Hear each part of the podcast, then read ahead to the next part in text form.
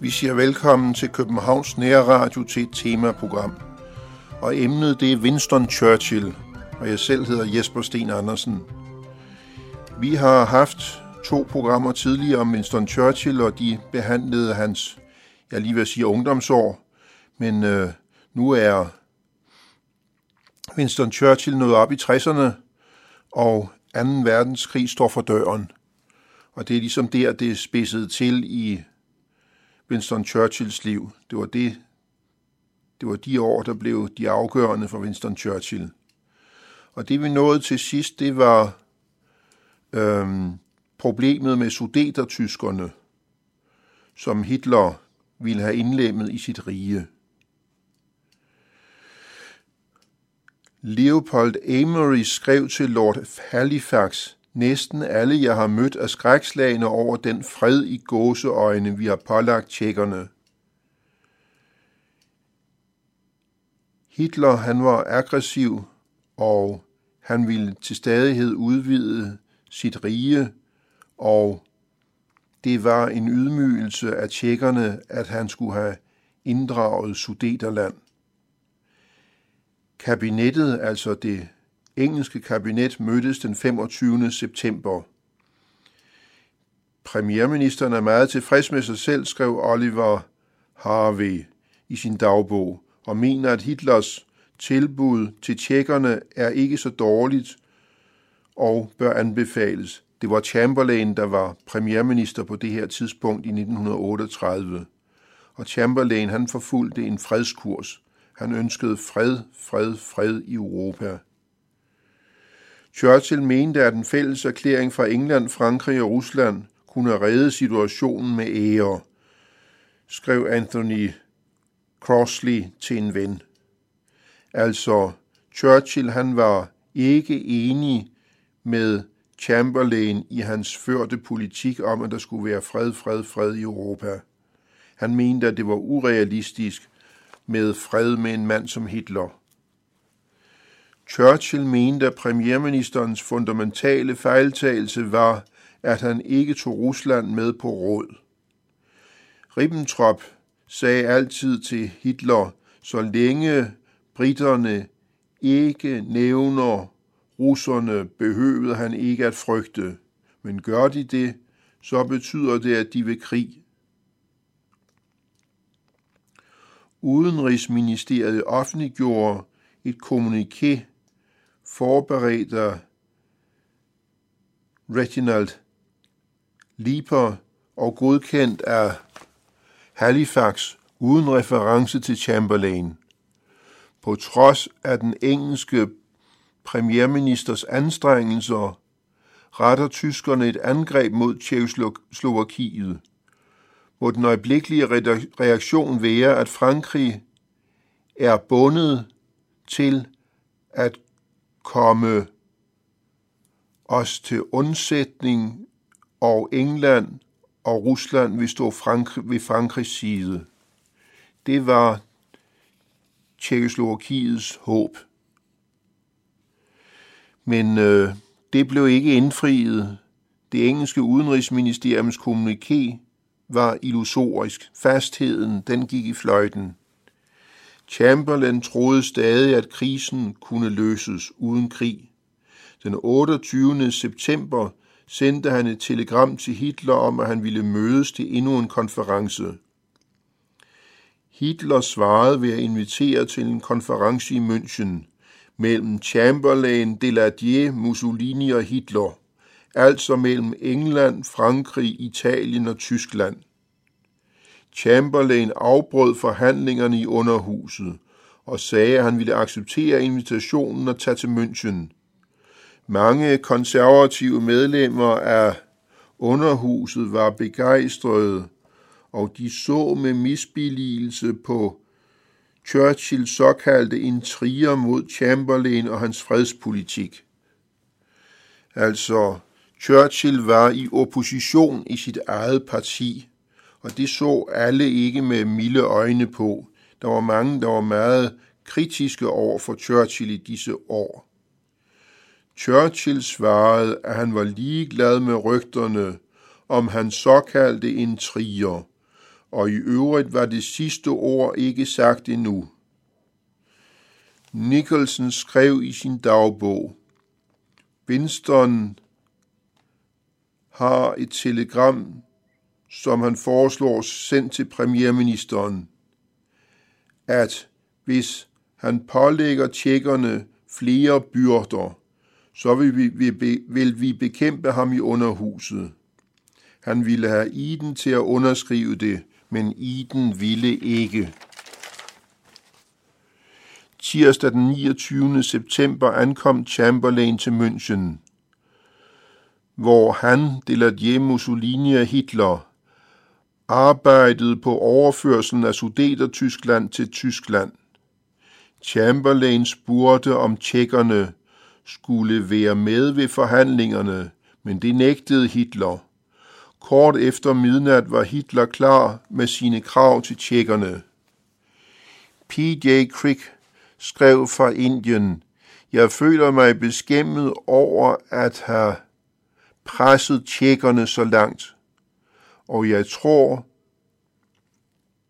bare, at vi har købt nogle få måneders usikker og kostbar fred. Den 30. september offentliggjorde pressen aftalen, at Tyskland allerede næste dag skulle begynde at besætte de områder, hvor der var tysk flertal, og hvor det var usikkert, skulle der holdes folkeafstemning. Hele morgenen opfordrede den britiske regering Tjekkoslovakiet til at acceptere aftalen. Og ved middag accepterede tjekkernes leder Benæs. Chamberlain vendte tilbage til England, og der var hysteriske scener i gaderne. Men mange folk mente eller opfattede aftalen som en ydmygelse. Altså Chamberlain og hans ligesindede, de stolede stadigvæk på, at tingene kunne udvikle sig i en fredelig retning. De håbede på fred, og de var fuldstændig vilde i varmen, bare der blev fred. Jeg tror, vi tager det første stykke musik, og det er fra en CD, der hedder Where Jesus Walked med David Kang og Danny O. BBC-producer Guy Burks tog ud til Churchill, som havde modtaget en besked fra Benes, som Churchill kaldte herr Beans, som spurgte om hans råd og assistance. Churchill sagde, hvilket svar skal jeg give? For svare det må og skal jeg. Hvilket svar har jeg at give? Hvilken assistance kan jeg yde? Her er jeg, en gammel mand uden magt og uden parti. Guy var ikke nogen mundlam person, men i det øjeblik svigtede hans veltalenhed ham. Han var ikke vant til forhandlinger på det niveau. Det eneste Churchill kunne tilbyde var sin søn, der trænede til at blive officer. Duff Cooper trak sig fra regeringen, og Churchill græd, da han fik det at vide. Denne sagde i sin afskedstale, at Chamberlain havde søgt at tale med sød fornuft til Hitler, men han burde have været åben for at tale med en pansrød knytnæve. Og lidt senere, vi har borttaget Tjekkoslovakiets forsvar. Chamberlain svarede i underhuset, at han søgte at slå ind på fredens vej, og han talte til med om nedrustning, nu da dette svære problem var løst. Der var det seneste og også det vanskeligste problem. Clement Attlee tog ordet, altså laborlederen. Vi har følt ydmygelse. Dette er ikke en sejr for omtanke og medmenneskelighed. Det har været en sejr for brutal magt. Archibald Sinclair fra de liberale to ordet i underhuset og sagde, en politik, der pålægger en svag og lille nation, uretfærdighed og tyranni på frie mænd og kvinder, kan aldrig blive grundlaget for en varig fred. Anthony Eden sagde, successive overgivelser medfører blot successive ydmygelser, og de bliver mødt med mere ydmygende krav.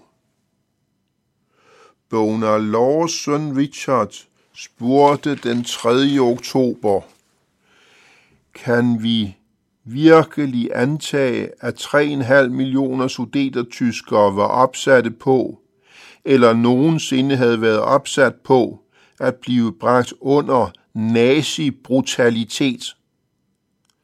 Kaptajn Sir Sidney Herbert sagde den 4. oktober i underhuset, at den frist med fred, vi har opnået, skal bruges til oprustning.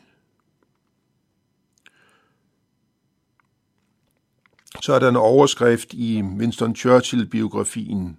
München-drøftelserne og derefter et nederlag uden en krig. Den 5. oktober onsdag rejste Churchill sig i underhuset og sagde blandt andet, at Tjekkoslovakiet som resultat af overførelsen af Sudeterland til Tyskland var politisk lemlæstet og økonomisk i komplet forvirring. Dets forsvarsværker var på tyske hænder, dets jernbaner afbrudte og dets industrier indskrænkede. Han mente, at Tjekoslovakiet i løbet af få år, måske kun i løbet af måneder, vil blive opslugt af Tyskland. I dagene efter Chamberlains hjemkomst fra München var der meget offentlig glæde. Næsten alle aviser var ekstatiske i at prise ham. Entusiasmen hos skarne i Downing Street synes ikke at have sidestykke. Englænderne håbede virkelig på fred. Churchill sagde til disse fiskere, I skal vide, at vi har lidt et nederlag uden krig, hvis konsekvenser vil føre os, vil følge os hen ad vejen. De skal vide, at vi her passerede en forfærdelig milepæl i vores historie at hele ligevægten i Europa er blevet nedbrudt, og de skal vide, at ordene gælder. Du er blevet vejet og fundet for let. Og det er for de vestlige demokratier kun første slurk af en bitter drik. Pressens reaktion på Churchills tale var blandede. The Times påstod, at Churchill fik Jeremias til at ligne en optimist, og han gik videre med at omtale Churchills profetier som dyster oprigtighed. Daily Telegraph troede på Churchills advarsler. For første gang i hans politiske karriere, og det var næsten 40 år siden han første gang lod sig vælge til parlamentet, havde Churchills optimisme forladt ham. Trods hans appel i parlamentet om national vækkelse, fyldte begivenhederne i september 1938 ham med en dyb fortvivlelse, der gav sig udslag i hans private korrespondence.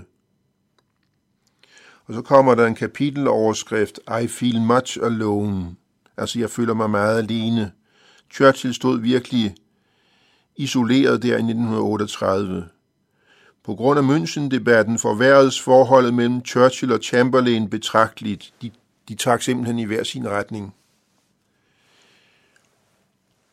Den 16. oktober advarede Churchill i en transmission til USA, altså en radiotransmission, at hverken den engelske eller den franske offentlighed var helt klar over konsekvenserne af, den Tjekoslo- af at den tjekoslovakiske republik blev ladt i stikken og ødelagt. Ikke desto mindre tilføjede han. Frihedens sag har i sig en helbredende kraft og dyd. som af ulykke kan drage nyt håb og ny styrke.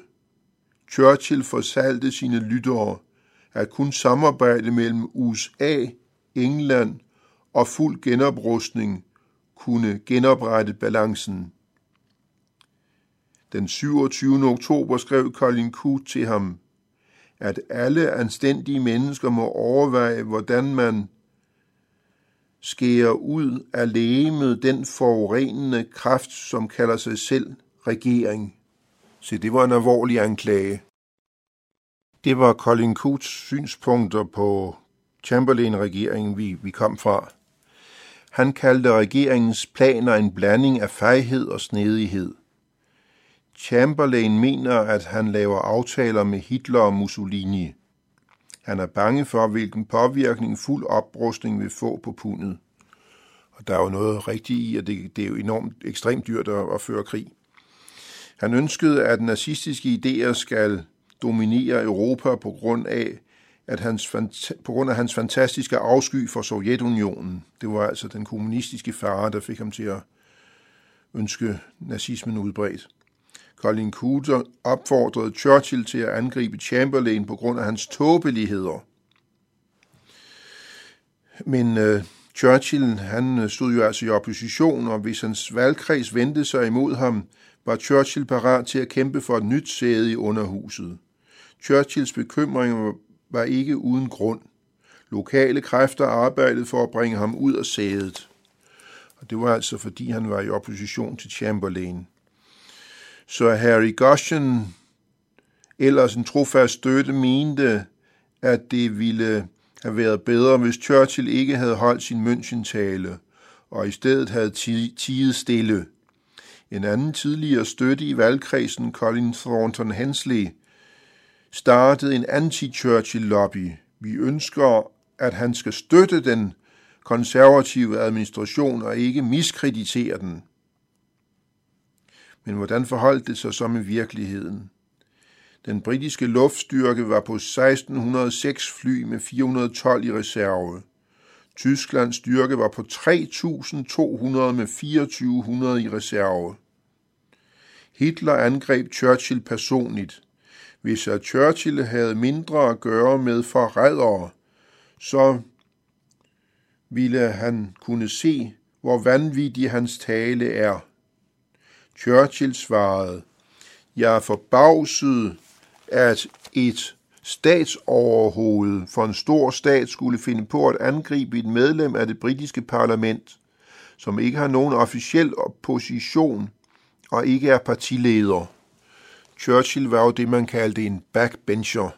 Han var ganske menigt medlem af underhuset. Den 8. november angreb Hitler igen Churchill personligt i en tale i München. I Frankrig og England er der mænd, som ønsker fred, der sidder i regering. Men i morgen er de, der ønsker krig, måske i regering. Herr Churchill er måske premierminister i morgen. Senere i talen sagde han, Mr. Churchill har måske et vælgergrundlag på 15-20.000, men jeg har et på 40 millioner. I Tyskland blev 20.000 polske jøder udvist på brutal vis, hvilket fik en polsk jøde til at skyde en tysk diplomat i Paris. Tyske aviser hævdede, at det var intet tilfælde, at Grandjean tog samme linje som taget af Mr. Churchill, Eden, Duff Cooper og deres ligemænd. Det førte til en anti-jødisk pogrom 10. november, hvor synagoger blev brændt af, hjem blev renset, hundredvis af jøder blev tæsket vildt og mange myrdede. Den 13. november pålagde Sverige, nej, Gøring, undskyld, den 13. november pålagde Gøring jøderne at nedlægge deres erhvervs inden nytår og pålagde dem en kæmpe bod som straf for mordet i Paris, hvilket indebar, at nazisterne fratog jøderne alt gods og ejendom. De havde simpelthen brug for penge til deres oprustning. Også de skandinaviske lande, der havde bekæmpet nazismen, er nu hjælpeløse og må kapitulere, skrev Reverts den 4. november. I en rapport fra 11. oktober af kaptajn McLears lyder blandt andet, at de britiske fly kunne nå bombemål på 700 miles afstand og flyve med 1.500 miles per hour.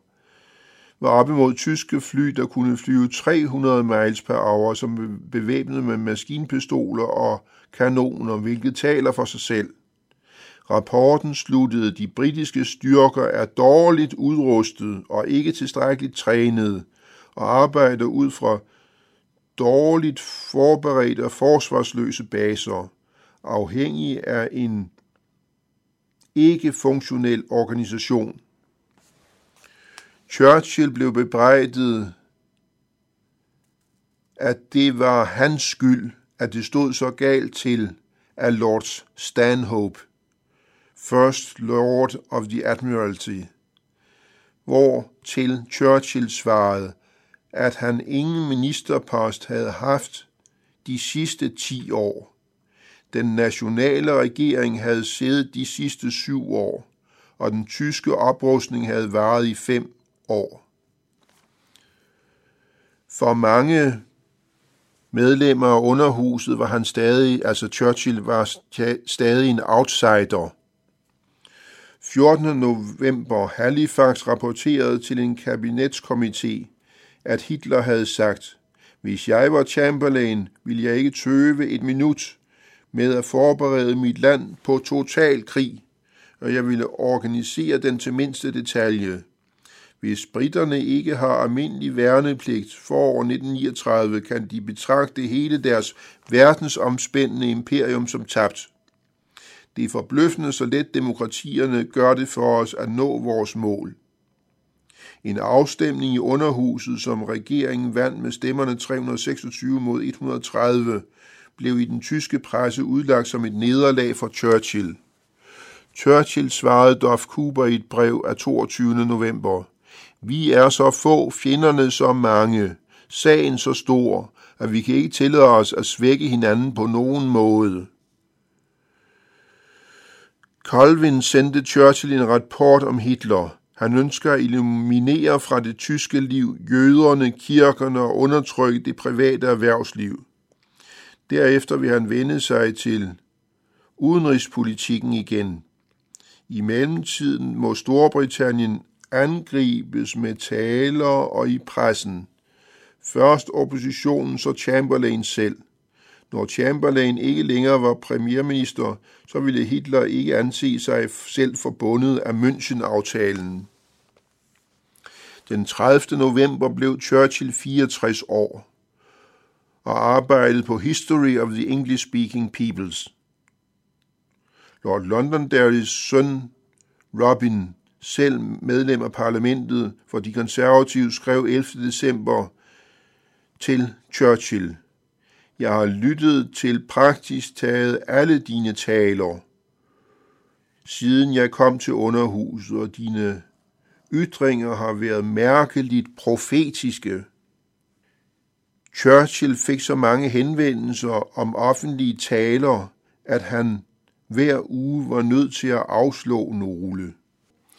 Da 1938 nærmede sig sin afslutning, skrev Churchill, Neville, altså Chamberlain, leder os fra slemt til værre i et brev til Volmer fra 12. december. Den 22. december, december skrev Churchill, at Hitlers næste offer sandsynligvis blev Polen. Ved slutningen af 1938 stod Churchill helt isoleret i parlamentet, men hans offentlige berømmelse blev ved med at vokse. Han var efterspurgt i, med sine taler, og hans publis, publikummer lyttede opmærksomt til hvert ord, han sagde. Hans artikler blev bragt i engelske og udenlandske aviser. Churchill skrev, krig er forfærdelig, men slaveri er værre. Man kan være sikker på, at det britiske folk vil hellere gå ned kæmpende end leve i trældom. Tyskland offentliggjorde i januar 1939, at man ville bygge så mange ubåde, at man nåede op på Englands antal. Denne afgørelse var i overensstemmelse med den anglo-germanske flådepagt af 1935. Churchill kommenterede IRA's vold i London ved at sige, at de prøvede på at tilegne sig Ulster. Og det er jo det, det fantastiske ved Churchill-biografien, når man læser den, så får man indblik også i, i hele det 20. århundredes historie og konflikten med, med øhm, Irland og IRA. Den 28. marts erobrede Franco Madrid, og den 2. april var den spanske borgerkrig forbi. I 1939 var der ansat 400.000 i tysk luftvåbenindustri, og de producerede 800-1000 nye flyvemaskiner per måned af alle slags. Gøring spurgte Sir Neville Henderson, hvilken garanti havde Tyskland, at Chamberlain ville forblive sit embede og ikke blive efterfulgt af en Mr. Churchill eller en Mr. Eden-regering. 19. februar skrev Chamberlain til sin søster. Al den information, jeg, peger, jeg får, peger i retning af fred. Hvis jeg får tre eller fire år mere, tror jeg, at jeg vil kunne trække mig tilbage med et roligt sind. Chamberlain var bange for, at øgede militærudgifter ville få alle europæiske nationer til at gå bankerot. På grund af Churchills uenighed med Chamberlain blev der gjort et forsøg på at vælte Churchill i hans valgkreds Epping.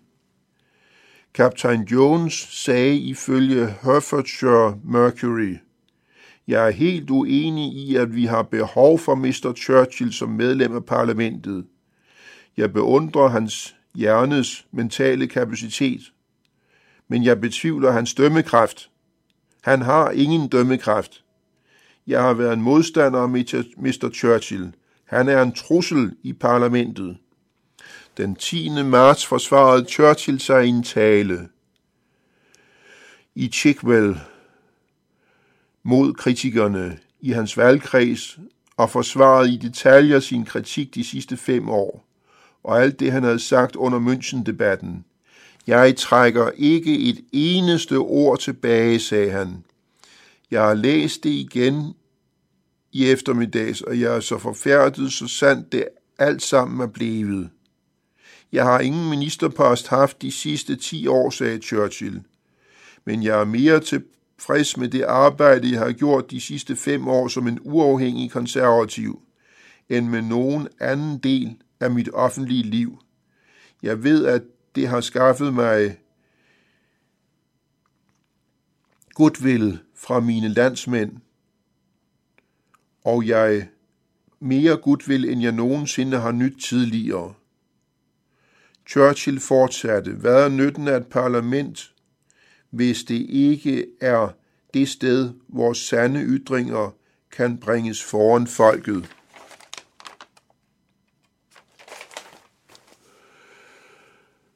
Sir Samuel Hoare, en af kabinettets ministre, talte om muligheden for, bero, for Europa for at befri sig selv for det mareridt, der piner dem væk fra en udgift til våben, som forarver dem for at skabe en ny gylden tidsalder baseret på venskabeligt samarbejde mellem europæiske nationer altså i regeringen blev man med med at håbe på fred. Churchill erklærede i en tale i Waltham Abbey, den tjekoslovakiske republik bliver brudt op foran vores øjne. De bliver slugt, og ikke før den nazistiske skygge bliver løftet fra Europa. Og det er overbevist om, at den bliver en skønne dag. Ikke før der vil Tjekoslovakiet og, de el- og det elgamle Bøhmen igen kunne marchere ud i friheden. Churchill kommenterede, det synes mig, at vores regering i et år eller mere har manglet at kigge fremad eller forstå karakteren af den mand, som de har at gøre med. Da tyskerne havde besat Prag, sagde Lord Halifax, udenrigsminister for England, ifølge Daily Express i Sunderland, at han advarede offentligheden mod at se en krise i hver en begivenhed.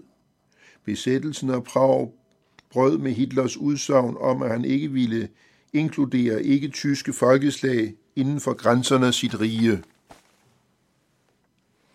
Chamberlains syn på fremtiden var baseret på det håb, at der stadig, at alt stadig ikke var tabt. Som altid skrev han til sin søster den 19. marts, vil jeg prøve på at vinde tid, før jeg accepterer, at krig er uundgåelig. Så nej, Thomas Laws Horatin, liberal kandidat for North Cornwall, foreslog Churchill som premierminister i denne krigens time eller farens time for en regering, der skulle omfatte alle partier. Den 28. marts blev den første appel om en national regering fremsat i parlamentet af 30 konservative medlemmer af parlamentet. Ført Anna Churchill, Eden og Duff Cooper. Harold Macmillan var blandt dem, der skrev under. Den 31. marts gav Chamberlain Polen garanti, en garanti, hvilket øh, fik Churchill til at forlige sig med regeringens udenrigspolitik. Og jeg tror, vi stopper her, fordi vi kan ikke nå mere. Tiden er gået. Vi fortsætter en anden gang.